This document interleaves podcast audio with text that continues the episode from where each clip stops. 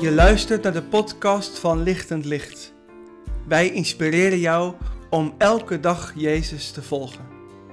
Christen zijn in de wereld van nu. Hoe doe je dat? En hoe bouw je mee aan de kerk van morgen? Ik ben Arjan Berendsen, predikant. Fijn dat je luistert. Hoeveel preken heb jij in je leven eigenlijk gehoord? Honderden? Duizenden? Hoeveel heb je er afgelopen zondag beluisterd? Eén? Twee? Ik denk daarom dat mijn vraag aan jou je zal verbazen. Mijn vraag aan jou vandaag is: hoe luister ik een preek? Ja, je kunt denken, wat een uh, rare vraag. Ik luister toch elke week naar een preek, of zelfs twee keer. Dat is voor mij gesneden koek.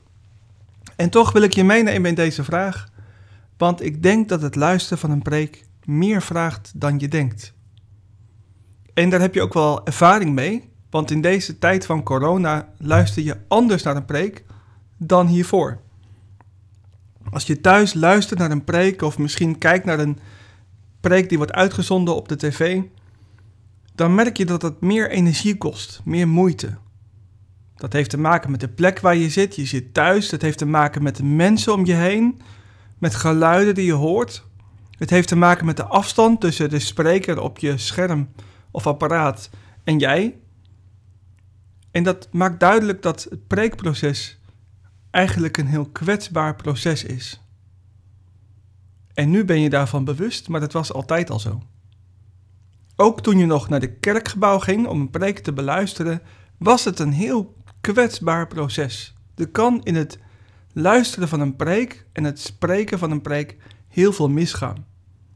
En deze tijd maak je daar extra bewust van. En daarom neem ik je mee in deze vraag: hoe luister ik naar een preek? In de hoop dat je daardoor anders naar een preek gaat luisteren en er meer voor jezelf uit kunt halen.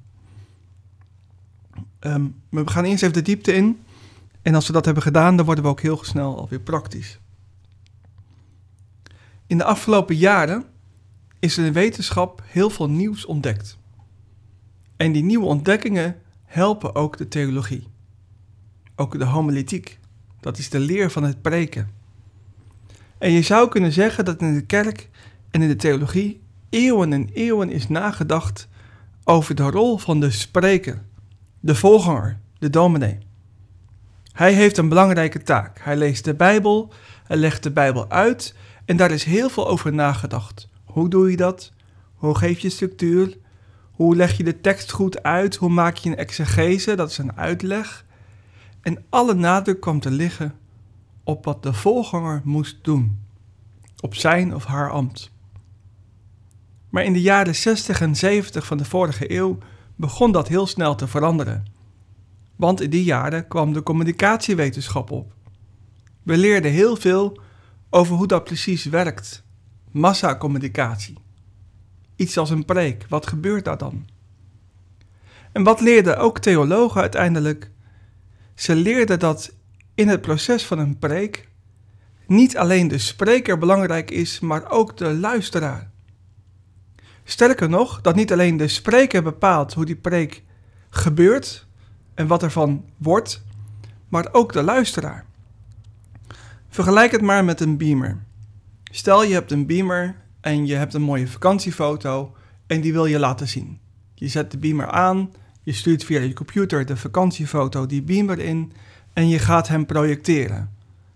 Dat is wat in de kerk de spreker is, de voorganger. Hij is degene die zendt, hij stuurt de informatie uit, de projectie, de beamer. Of je die foto projecteert op een wit scherm of op een rood scherm, dat maakt echter nog wel veel uit. De foto zal er echt anders uitzien als het beeld wat op je projecteert ook anders is. En zo is het ook in de kerk. Niet alleen wat de spreker zegt en hoe die het zegt en welke volgorde die het zegt, die, die bepaalt wat er gebeurt tijdens het preekproces, maar ook de luisteraar.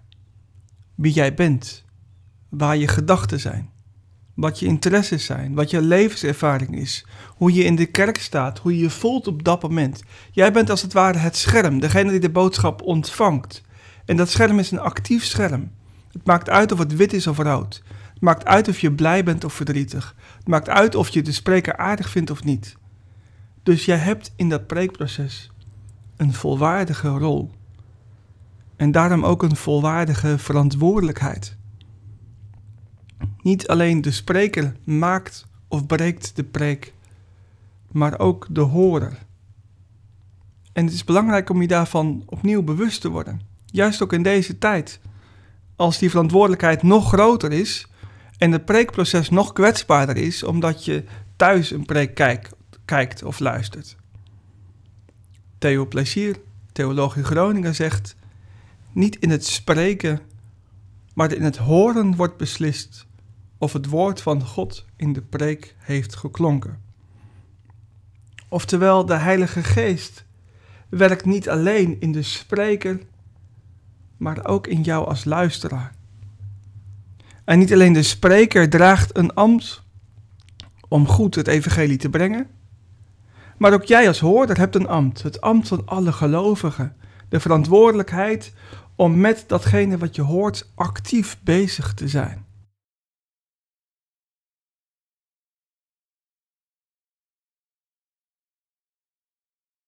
Dat betekent dat het goed is dat je gaat nadenken opnieuw over hoe je dat eigenlijk doet. Dat je daar bewust van wordt. Hoe luister ik naar een preek? Een paar praktische dingen ga ik je zeggen.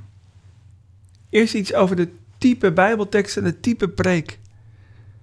Ik geloof dat de Bijbel een heel gevarieerd boek is. En dat is iets moois. 66 Bijbelboeken, verschillende schrijvers, verschillende soorten genres. En dat betekent dat een preek, als het goed is, ook iets meegeeft, weergeeft van al die verschillen in de Bijbel. Een preek bijvoorbeeld over de brieven van Paulus zal meestal wat leerstellig zijn, onderwijzend. Het is echt zo'n preek waarbij je fijn pen en papier kunt nemen en een aantal punten kunt meeschrijven en je heel veel leert met je hoofd. Terwijl een preek over de psalmen, als het goed is, het geluid en de beweging van die psalm versterkt. En psalmen zijn niet geschreven om kennis over te dragen. Psalmen zijn liederen of gedichten. Psalmen tillen je op in een bepaalde sfeer, een gevoel, een beleving. En als het goed is, de preek daarover dus ook. En dat betekent dat jij als luisteraar naar een preek over de psalmen anders bezig bent dan wanneer je luistert in een preek, naar een preek over Paulus die dogma's, die leer vertelt. Betekent misschien concreet dat je bij een preek over de teksten van Paulus meer opschrijft en met je hoofd bezig bent.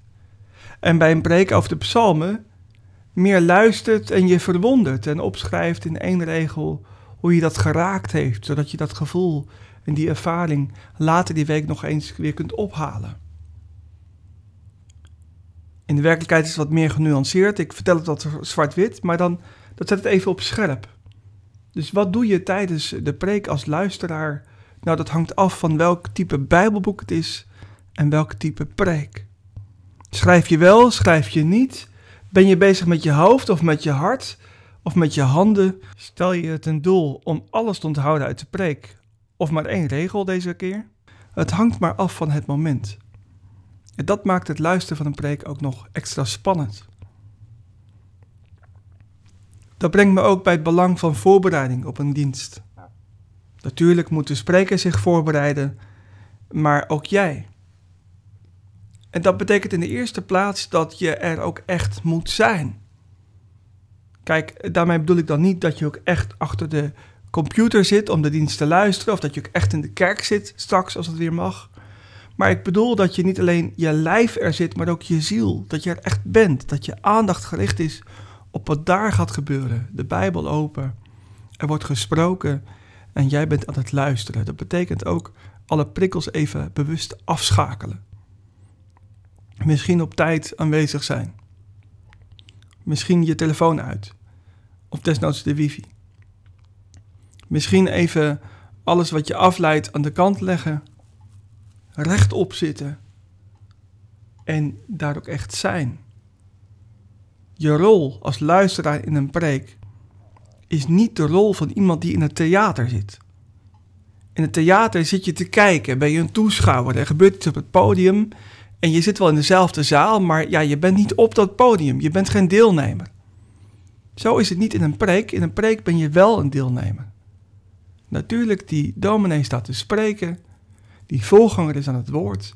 Maar jij bent daar een onderdeel van. Heel actief. En dat betekent dus dat je ook zo moet zitten dat je echt een actieve luisteraar bent. En nu je thuis luistert, betekent dat dat je daar nog meer over na moet denken. Waar zijn de kinderen tijdens het luisteren van de preek? Wat heb ik naast het scherm staan? Een kleine paaskaars? Een foto van de kerkzaal toen die nog vol was? Eh, een foto van je groeigroep? Een leeg kruis? Helpt het misschien om een appgroep te maken met mensen met wie je de preek samen luistert, zodat je meteen na de preek en het lied erna kunt reageren aan elkaar in één zin wat je heeft aangesproken? Kortom, wees actief. Dat actieve geldt niet alleen tijdens de preek, maar ook erna. Ik zou ervoor willen pleiten dat je als hoorder van de preek ook zo nu en dan een actieve relatie legt met je volganger, met de spreker. Het is goed om op preken te reageren. Niet alleen voor de volganger, maar ook voor jezelf. De volganger die vindt het fijn om reacties te ontvangen. En het is helemaal fijn als het ook eens een keer positief is. Als het het delen is van bemoediging. Probeer daarin ook eerlijk te zijn. Als je reageert op preken, en zeker als het wat kritisch is, um, probeer voor jezelf eens af te wegen wat nou maakt dat je kritisch bent. Lag dat echt aan de spreker? Lag het aan wat hij zei op die ochtend? Of lag het ook aan jezelf? Was je gewoon niet bij? Had je hoofdpijn? Zat een van de kinderen te draaien? En, en leg je de schuld bij de spreker, maar lag er minstens evenveel ook bij jezelf? Die kans bestaat. Ik denk aan een woord als wat we in de homiletiek noemen de gevoelslengte van een preek. Het kan zijn dat voor je gevoel een preek heel lang duurt, of juist veel te kort duurde, maar in werkelijkheid, in minuten op de klok gemeten, helemaal niet die lengte had die jij voelde. Het is net als het weer. Het voelt soms heel warm en dan is het koud, en het voelt soms heel koud en is het warm. Zoals met de preek ook. Dat geeft aan dat je eigen beleving en je eigen luisteren naar de preek net zoveel gewicht in de schaal legt als de objectieve feiten. En houd daar rekening mee als je reageert aan de volganger. Wat was hier nou aan de hand? Wat waren de feiten en wat voelde ik en wat doet het met mij? Een andere manier om te reageren naar de voorganger is om te vragen om structuur als je dat nodig hebt. De ene voorganger is al heel gestructureerd, die kun je makkelijk volgen, maar er zijn ook voorgangers waarbij alles wat door elkaar heen loopt. En als je dat merkt en je merkt het al langere tijd, dan mag je dat voorzichtig best eens vragen. hey, spreker, hoe kan, kunnen we samen ervoor zorgen dat er iets meer structuur komt in wat je zegt, dat ik het makkelijker kan volgen? Kan een van ons uh, wat punten beameren? Of een samenvatting uitdelen op papier? Of kun je het gewoon zeggen, ja, nu komt dit punt en straks behandel ik dat punt? Het kan helpen om samen daarnaar te zoeken. De wisselwerking te vinden tussen spreker en luisteraars. En het vierde punt om dat te doen, de vierde manier, is om te bidden. En dat is geen cliché dat ik dat zeg, dat meen ik oprecht. Um, een volganger, zei men vroeger, een voorganger moet volgebeden worden. Dus je kunt een preek ook maken of breken door er niet voor te bidden. Jouw gebed en het gebed van heel je gemeente bepaalt uiteindelijk hoe de geest met die preek kan werken. En als er veel vervulling is van de geest, als er veel gebeden wordt, dan mag er ook zegen verwacht worden. En bidden voor de prediker, de volganger, verandert niet alleen de preek en de prediker, maar ook jezelf, denk ik. Het betrekt je al vooraf in de voorbereiding op het luisteren van de preek. En dan de laatste. En dan ga ik doen wat we in preken ook graag doen. Ik uh, eindig wat ik ook begon.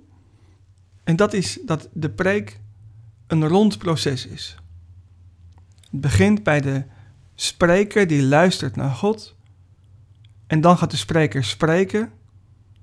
En dan de hoorder die hoort wat de spreker zegt. En dan de hoorder die gaat doen wat de spreker zegt, wat het woord zegt, de Bijbel. Het is een ronde cirkel.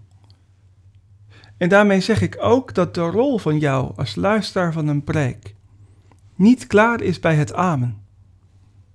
Het amen is niet het einde van de preek, maar het begin.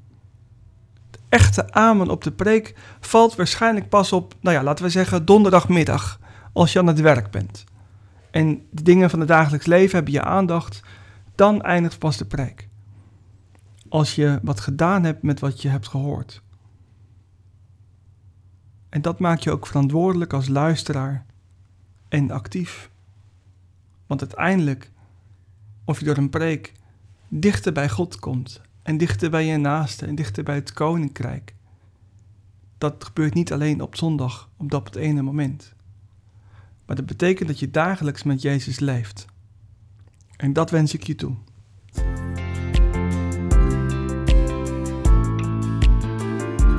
Mooi dat je meeluisterde. Op lichtendlicht.nl vind je meer podcasts en ook blogs. Wil je geïnspireerd blijven worden om elke dag Jezus te kunnen volgen? Like ons dan op Facebook, Twitter, Instagram of abonneer je op deze podcast. Al bijna 6000 andere christenen gingen je voor. Wil je reageren? Of heb je een vraag die we kunnen bespreken?